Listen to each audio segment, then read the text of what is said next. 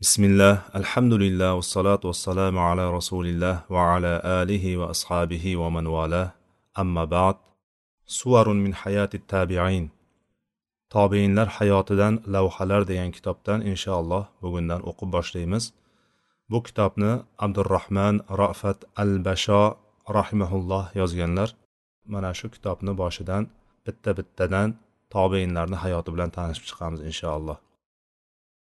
Ato ibn abi raboh rahimaulloh salama ibn kuhayl shunday deydi ilm bilan allohning yuzini iroda qilgan ushbu uch kishidan boshqa birovni ko'rmadim. Ular ato tovus va mujohid biz hozir hijratning to'qson yettinchi yili zulhijja oyidamiz. Ro'paramizda eski uy atalmish kabatulloh. U har tarafdan kelgan ziyoratchilar bilan to'lib toshgan. Ular piyodayu ulovda yoshu qari erkagu ayol oq tanligu qora tanlik arabu ajam shohu gado. Barchalari insonlarning podshohi huzuriga undan qo'rqib va umid qilib chaqirig'iga labbay deb uzoq yaqindan kelganlar. Mana bu esa musulmonlar xalifasi sulaymon ibn abdulmalik dunyo podshohlarining buyuklaridan biri. Qo'l ostidagilar bilan bir xil bosh kiyimsiz oyoq yalang egnida surubdan bo'lgan rido va izordan bo'lgan ikki libosdan boshqa kiyimi yo'q holatda baytullohni tavof qilmoqda. Yonida to'lin oydek ko'rkam kelishgan atirguldek xushro'y xushbo'y ikki o'g'li hamroh. Tavofni tugatgach yordamchilardan biriga qarab sohibingiz qayerdalar? dedi. Namoz o'qiyaptilar deb masjidul haromning g'arb tarafiga ishora qildi. Xalifa ikki o'g'li bilan ishora qilingan tarafga yura boshlagan edi. Uning xos qo'riqchilari xalifaga yo'lni ochib tiqilinch mashaqqatidan uni xalos qilishga kirisha boshlashdi. Xalifa ularni qaytarib bu o'rin shohu gado barobar bo'ladigan yerdir. Bunda hech kim hech kimdan ortiq emas. Faqat muttaqinlar va amali qabul bo'lganlargina ortiqdirlar. Ko'pincha allohning huzuriga sochi to'zigan usti boshi chang bosgan holda kelgan oddiy odamdan podshohlardan qabul qilinmagan amallar qabul qilinadi dedi va izlagan odami tarafga qarab yura oldi. U odam hali ham namozda qoyim ruku va sujudlarda g'arq edi. Odamlar u kishining orqa tarafida va o'ngi so'lida kutib o'tirishardi. Xalifa ham qatorga kelib o'tirdi va ikki o'g'lini ham yoniga o'tqazdi. Qurayshlik bu ikki yigit mo'minlar amiri izlagan va oddiy xalq bilan bir qatorda uning namozdan forig' bo'lishini kutib o'tirgan mana bu kishiga razm sola boshlashdi. Qarasalar u qora yuzli jingalak sochli va yassi burun bir habashiy qariya ekan. O'tirganida uzoqdan qora qarg'aga o'xshab ko'rinardi. U namozdan forig' bo'lgach xalifa o'tirgan tarafga qarab o'girildi. Sulaymon ibn abdulmalik unga salom berdi va haj amallari haqida so'ray boshladi. U salomga alik olgach har bir so'ralgan masalaga birma bir to'liq biron qo'shimcha qilishga o'rin qoldirmay so'ziga payg'ambar sollallohu alayhi vasallamning hadislaridan dalil keltirib javob berdi. Savollariga javob olgach xalifa minnatdorchilik bildirib o'g'illari bilan safo sari yo'l oldi.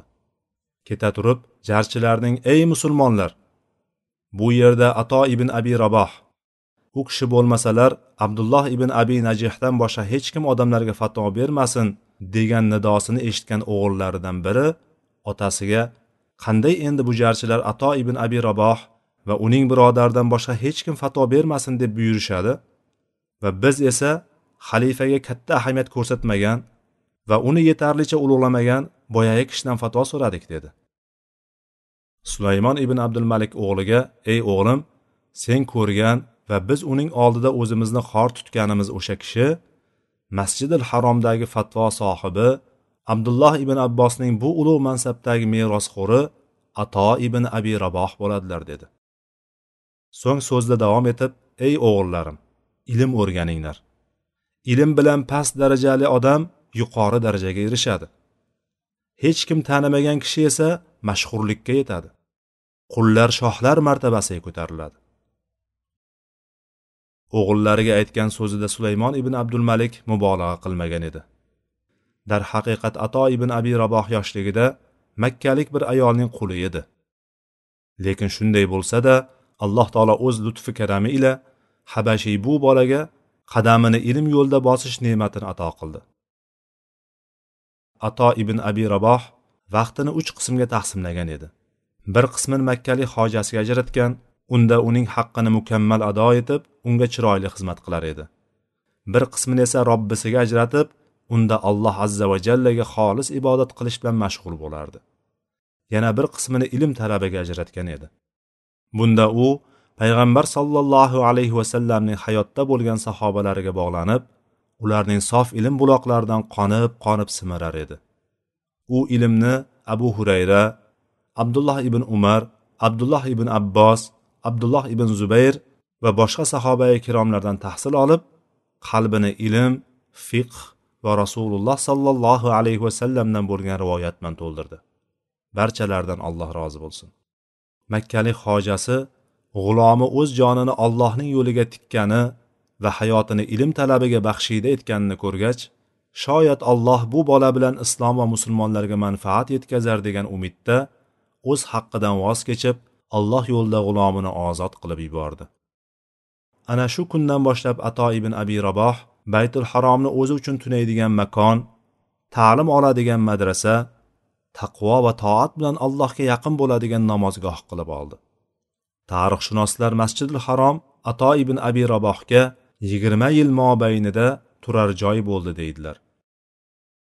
Darhaqiqat ulug' tobein ato ibn abi raboh ilmda eng yuqori manzilatga yetib o'z asrining oz kishilarigina erishgan martabaga ko'tarildi. Rivoyat qilinishicha abdulloh ibn umar roziyallohu anhumo umra qilgani makkaga kelganlarida odamlar savol va fatvo so'rab huzurlariga kelishdi. Shunda u sahoba ey ahli makka men sizlarga hayronman. Orangizda ato ibn abi rabohdek kishi bo'la turib savolingizni menga to'plab o'tiribsizmi? degan ekanlar roziyallohu anhumo din va ilmdagi bunday darajaga ato ibn abi raboh ikki xislat bilan erishdi. Birinchi xislat u nafsiga hokim bo'la oldi. Foydasiz narsalardan lazzatlanish uchun nafsiga yo'l qo'ymadi. Ikkinchi xislat esa u vaqtiga hokim bo'la oldi.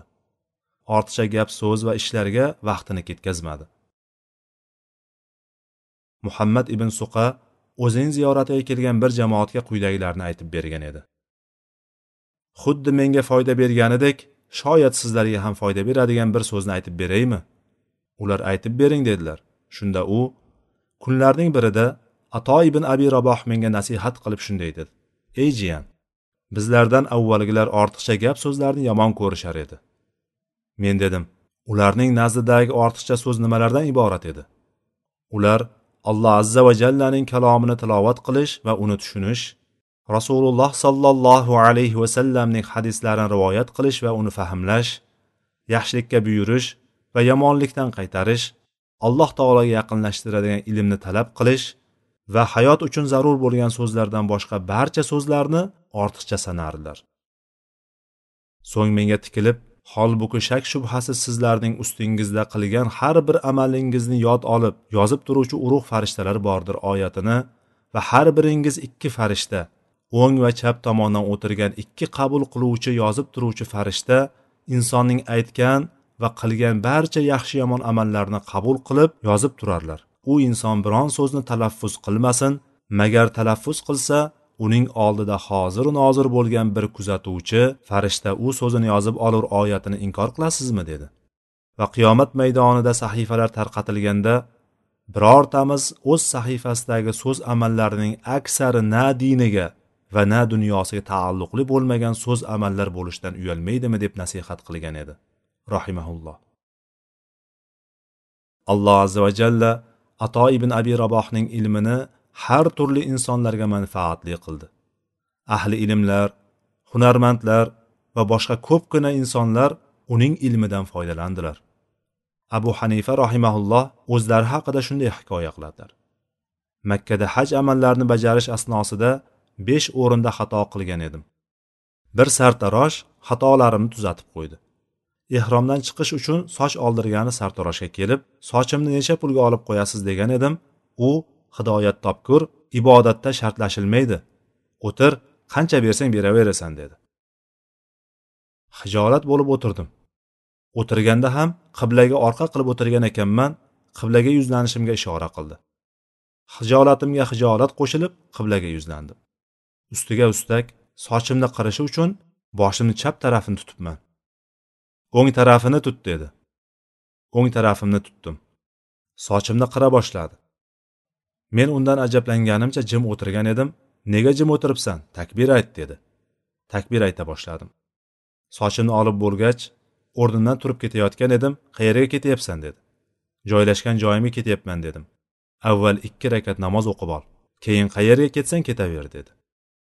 Ikki rakat namoz o'qigach o'zimga o'zim bu odam oddiy sartaroshga o'xshamaydi. Ahli ilmlardan bo'lsa kerak dedimda bu narsalarni qayerdan bilasiz deb so'radim. U ato ibn abi rabohning shunday qilganini ko'rganman. Undan o'rganib odamlarni ham shunga yo'llayman dedi. Dunyo ato ibn abi rabohga boqdi ammo u dunyoga boqmadi. Unga parvo ham qilmadi balki undan yuz o'girdi. Butun umrini qiymati besh dirhamdan oshmaydigan libos bilan o'tkazdi. Xalifalar uni o'zlari bilan birga bo'lishi uchun saroyga chaqirishganda ularning dunyolari sabab o'zining diniga putur yetib qolishdan qo'rqib chaqiriqlariga ijobat qilmadi. Faqat musulmonlarga foyda yoki islomga yaxshilik bo'ladigan bo'lsagina xalifalar oldiga borardi. Usmon ibn ato al xurosoniy hikoya qilgan voqea ana shulardan biridir. Otam bilan birga xalifa hishom ibn abdulmalikning huzuriga ketayotgan edik. Damashqqa yetishimizga ozgina qolganda qora eshak minib kelayotgan bir qariyaga ro'para keldik. Qariyaning egnida g'aliz bir ko'ylak eski to'n va boshini qoplab turgan eski telpak eshagining egari ham yog'ochdan qilingan. Men bundan kulib otamga bu kim? dedim. Jim bo'l axir bu zot hijoz fuqaholarining sayyidi ato ibn abi raboh bo'ladilar dedi. Qariya yaqinlashgach otam hachiridan u kishi eshagidan tushib quchoqlashib ko'rishdilar.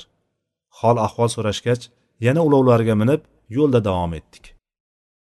Xalifaning qasri eshigi oldiga kelib izn bo'lguncha kutib turish uchun o'tirib ulgurmagandik hamki kirishga izn berildi. Otam bilan qariya kirib ketishdi. Qaytib chiqishganida otamdan nima gaplar bo'lganini aytib berishini so'radim. Otam dedi xalifa hishom ato ibn abi raboh kirishga izn so'rayotganini eshitib darhol izn berdi. Allohga qasamki uning sababidan men ham kira oldim. Xalifa ato ibn abi rabohga peshvoz chiqib xush kelibdilar xush kelibdilar. Qani bu yerga marhamat qilsinlar deb o'zining taxtiga o'tqizdi va o'zi ham uning tizzasiga tizzasini tekkizib o'tirdi.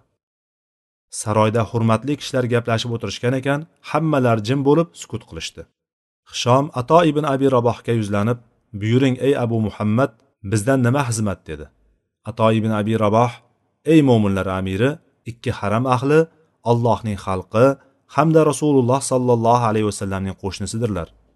Ularga berilajak urushlarni taqsimlab bersangiz. Xo'p bo'ladi. Ey kotib yoz.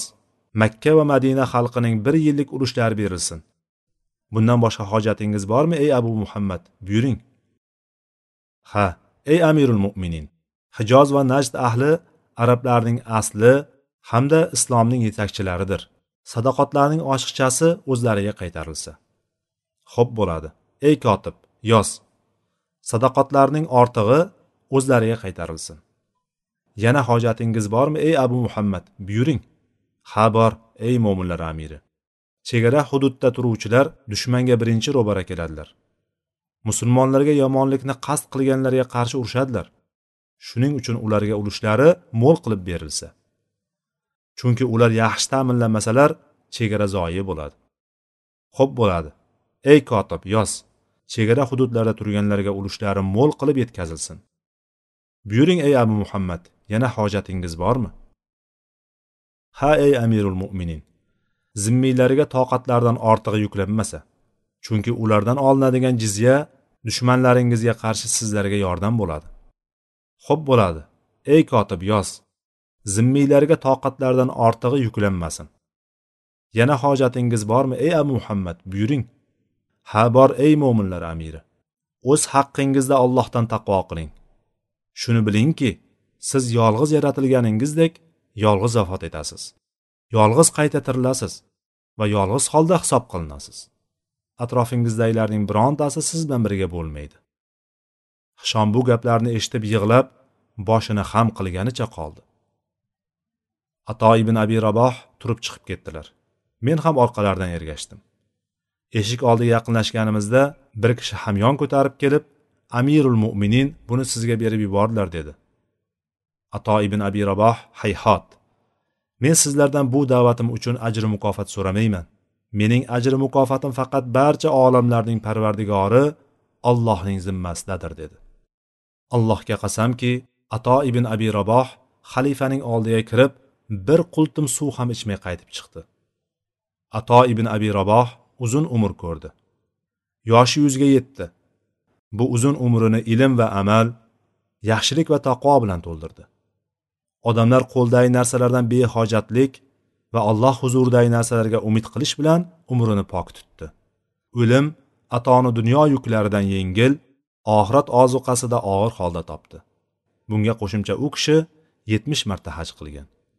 Bu degani yetmish marta arofatda turib alloh taoloning roziligi va jannatini so'rab hamda allohning g'azabi va do'zaxdan panoh istab duo qilgan.